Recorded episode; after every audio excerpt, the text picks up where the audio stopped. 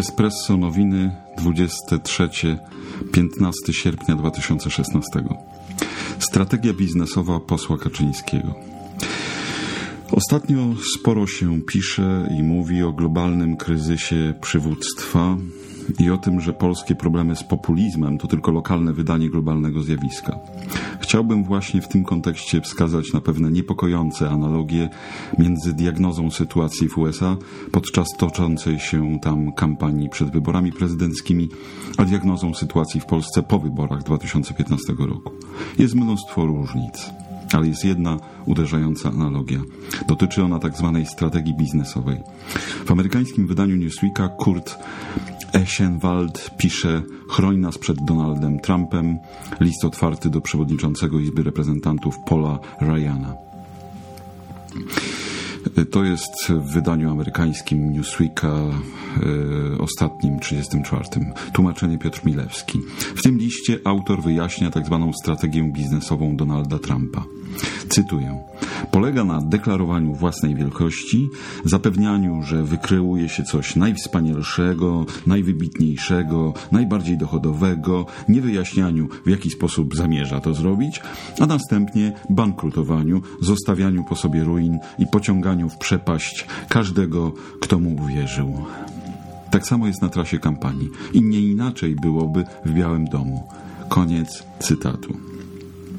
Jarosław Kaczyński przypomina nieco Donalda Trumpa i nie tym, że osiągnął jakiś spektakularny sukces w biznesie, bo nie osiągnął żadnego sukcesu w pracy zawodowej, bo nie wiadomo nic o jego osiągnięciach w zawodzie prawnika czy jakimkolwiek innym. Jest frustratem i nie ma żadnej strategii. Mylne są wszystkie mity, jakobyśmy mieli w osobie Jarosława Kaczyńskiego jakiegoś genialnego stratega i bohatera naszych czasów. Jednak opisywana przez Kurta Eichenwalda strategia biznesowa jakoś przypomina mi zachowania posła K. No bo jeśli idzie o deklarację, to jest nasz poseł niezrównany. Jeśli idzie o mglistość nakreślania drogi dojścia, też tak zwany plan Morawieckiego to zwykły koncert życzeń utkany z mgieł i pomroków. Następny punkt wymieniony w charakterystyce strategii biznesowej Trumpa też się już sprawdził co najmniej dwa razy u posła K. Po wyborach parlamentarnych, po krótkich rządach koalicji PiS Samoobrona LPR, poseł K był bankrutem. Drugi raz scenariusz się sprawdził. To była kampania prezydencka brata posła. Jej start okazał się katastrofą lotniczą i to przez ambicje i winę posła Kaczyńskiego. Dwa razy Jarosław K. bankrutował i to bankructwo drogo kosztowało całe społeczeństwo. Nie inaczej ze strategią biznesową skoków. Bankrutują masową, masowo, a płaci społeczeństwo. Obawiam się, że podobieństwa między Trumpem a Kaczyńskim sięgają głębiej. Nie dotyczą jedynie retoryki ksenofobicznej i populistycznej. Obaj posługują się strategią biznesową polegającą na rujnowaniu i bankrutowaniu. Teraz Kaczyński rujnuje, kiedyś zbankrutuje, zapłacimy wszyscy za nieodpowiedzialne szaleństwo jednego ogarniętego obsesją władzy człowieka. Biedna Polska.